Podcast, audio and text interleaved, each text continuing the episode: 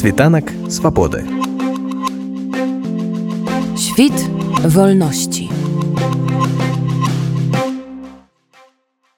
Дыскусія праходзіла ў беларуска-украінскім хабе сустрэча, але яе суарганізатарам быў аналітычны цэнтр украінская прызма, а сярод спікераў была прадстаўніца ў нацыянальным адраджэнні аб'яднанага пераходнага кабінета Аліна Коўшык. Таму асноўнымі тэмамі абмеркавання сталі пытанні нацыянальнага адраджэння і нацыянальнай ідэнтычнасці. І цалкам чакана дыскусія закруцілася вакол моўнага пытання.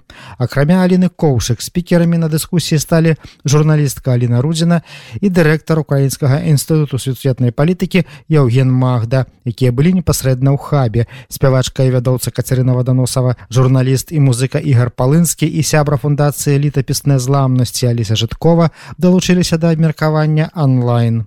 Варта сказаць, што амаль усе спікеры і іншыя прысутныя на дыскусіі прытрымліваліся меркавання, што беларусы павінны размаўляць па-беларуску, а пасля змены ўлады ў Беларусі павінна быць адна дзяржаўная мова і гэтая мова мусіць быць беларускай.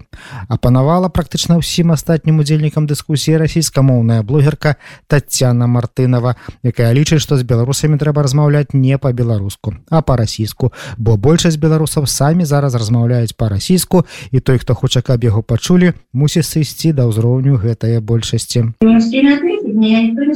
очень важно понимать. Работа с реальностью. Сегодня в Беларусь внутри люди говорят на русском языке, практически все.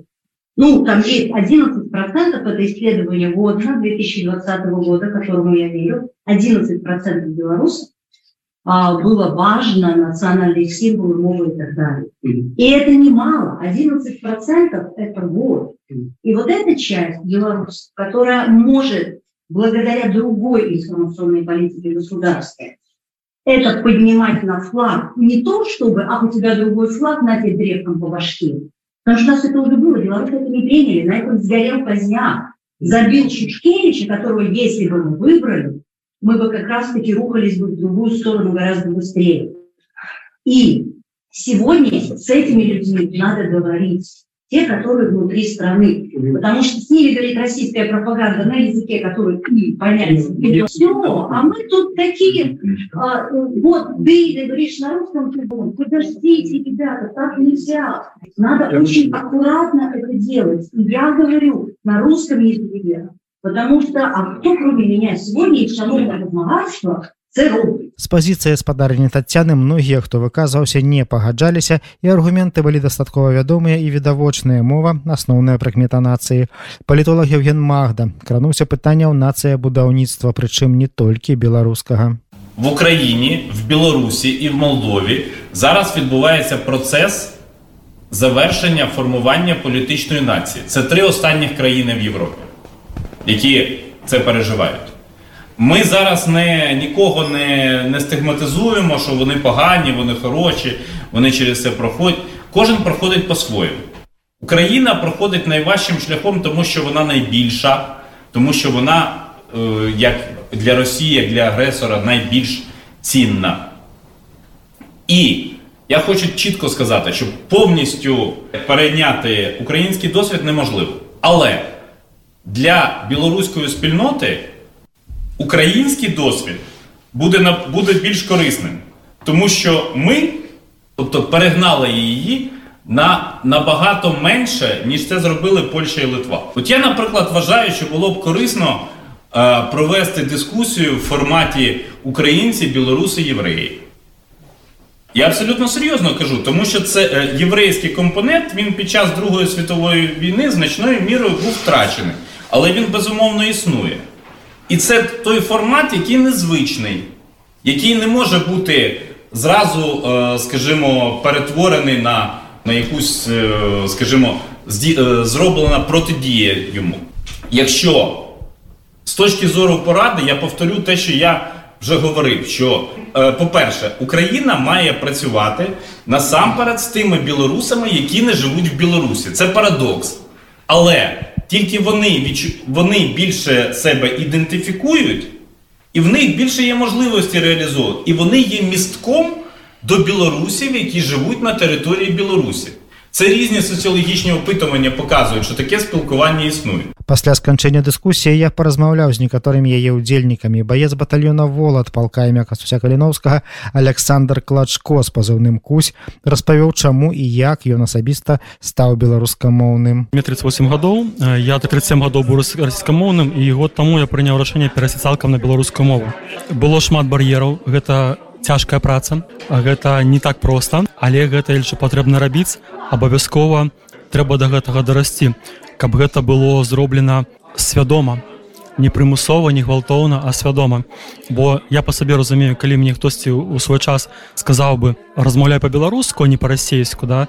Я чалавек які лічы беларускую мову роднай усё жыццё я бы ўспрымаў бы негатыўна і гэта мяне штурхнула бы Таму я разумею беларусаў якія не могуць зараз перайсці на беларускую мову. Усе іх жахі хваляванні усе бар'еры на гэтым шляху. Апошнім момантам апошняй кропля якая уплывала на мой пераход на беларускую мову гэта жнівень 22 года. Я сутыкнуўся з расіянкай якая хацела вывучыць беларускую мову. Яна была настаўніцай беларускай школе і праз палітычныя падзеі беларусі была вымушана з'ехаць у 20 годзе у літву. І яна сказала я вушу беларускую мову але я баюся яе зараз ужываць боюся памыліцца як я не прасіў яна не змагла ні аднаго слова сказаць не захацела па-беларускам бо я было саромна памыліцца.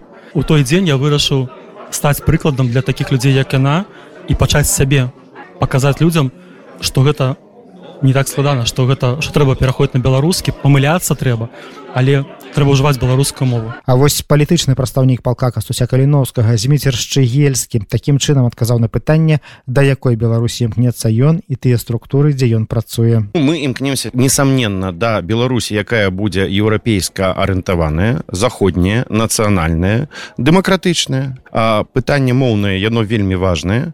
І я абсолютно перакананы ў тым что нам прыйдзецца прайсці праз гэты шлях нягледзячы на тое что ён цяжкі. І адказаў на тое як гэта зрабіць няма.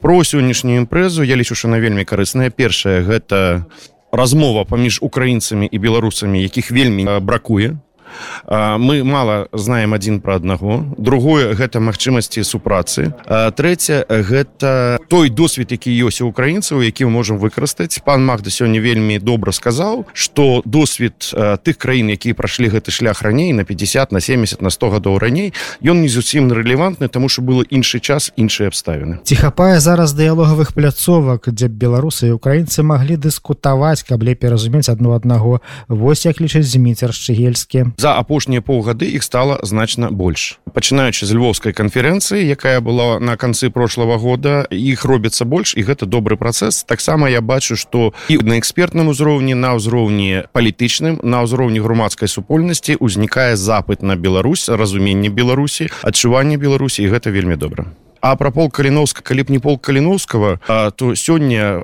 да беларусаў в Україніне ставіліся бы так же як да маскалёў прадстаўніца беларуска-украінскага хабу сустрэча Анна палі лічыць што беларусы рухаюцца да нацыянальна ідэнтычнаснага саспявання вже є перші кроки щодо їхнього відновлення саме культурного м, коду.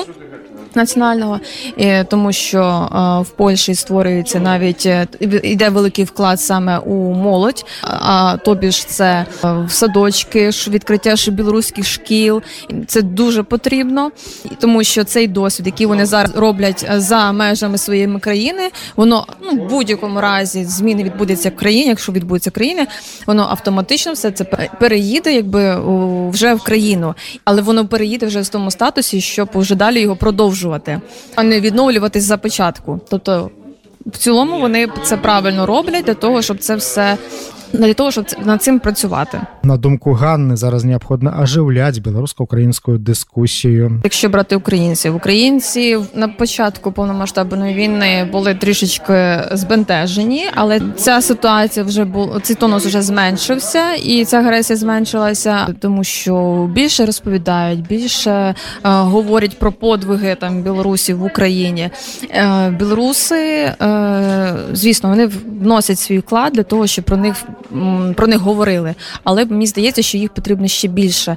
Е, А, а тобі ж потрібно а, створювати білорусько-українські проекти спільні для того, щоб це давало певний результат.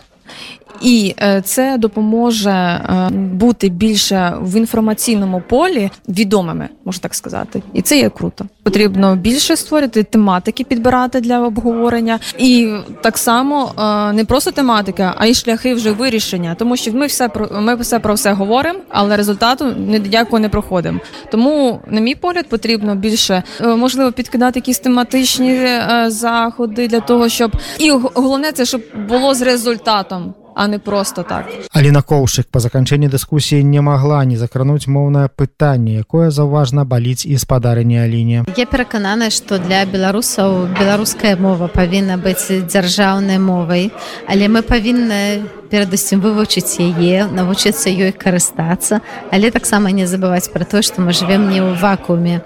І я думаю, што беларусам вельмі не хапае ведаў таксама ангельская мова, што вельмі пашырае светапогляд і таксама ўспрыняццю інфармацыі. Вось сёння на дыскусіі я расказвала пра тое, што ў Грузіі вельмі шмат, як мне казалі мае грузінскія калегі, э, вельмі шмат для барацьбы з антыпрапагандай дала кампанія, калі яны прывезлі ў краіну некалькі тысяч нейтив спікераў то бок людзей які натуральна сваёй роднай мовы маюць ангельскую. Гэта былі масавыя курсы навучання ангельскай мовы. Як толькі ты пашыраеш свае веды открываешься на іншы свет і перастаеш спажываць вось гэту расійскую імперскую культуру і таксама пазбываешься вот гэтай часткі прапаганды якая ліецца Таму я думаю что беларуская мова павінна быць абавязкова. І калі раней вельмі асцярожна палітыкі падыходзілі да гэтага пытання казалі што маўляў ой беларусы не гатовыя все-таки давайте можа дзве мовы. То я перакананы што зараз ва умовах вайны тое што чорнае мы вельмі яскрава бачым што гэта чорнае і што ёсць белае. Мы выбіраем святло мы выбіраем беларускую мову мы выбіраем нашу нацыянальную незалежную дзяржаву. І мова якой будзе беларуская Зараз Аліна Коўшык знаходзіцца з візітам ва ўкраіне шмат сустракаецца з прадстаўнікамі украінскай грамадскасці і элітаў. Але на яе думку размаўляць беларусам з украінцамі трэба нашмат болей. Я думаю, што агулам нам не хапае пляцовак для размовы і што тое, што атрымалася ў дыктатараў, гэта разарваць сацыяльнай сувязі. У Беларусі яны разарваныя паміж асобамі, але таксама яны разарваны вельмі часта паміж краінамі. І таму зараз гэта наша задача, у тым ліку палітычна, але таксама культурніцкая ствараць гэтай сувязі гэтай масткі наноў ствараць такі пляцоўкі. Там я вельмі удзячна сёння арганізатарам вось беларуска-украінскаму хабу сустрэчу украінскай прызме за тое што даюць нам гэтай пляцоўкі для дыялогу. Мы сцяж паўтараем за евгенам магдам што мы адзін адзін аднаго слаба ведаем. Сапраўды мы ёсць суседзямі. Вельмі часта мы глядзім на сябе праз прызму расійскіх наратываў. І мы гэта мусім змяняць і таму павінны размаўляць адзін з адным кожная на сваёй мове без дапамогі э, нейкіх іншых пасярэднікаў. Э, Таму я думаю, што такія дыалогі патрэбныя, яны патрэбны як на палітычным узроўні, і вельмі патрэбна на культурным узроўні. Нам трэба выпрацаваць супольную мову, бо без гэтага мы не пабудуем будучыню нашага рэгіёну. Вось гэтая праца вельмі радая, што яна паступова пачынае ісці і што насамрэч у нас ёсць вельмі шмат кропак, у якіх мы згаджаемся і зараз галоўная задача іх развіваць. Світанак свабоды. Świt wolności.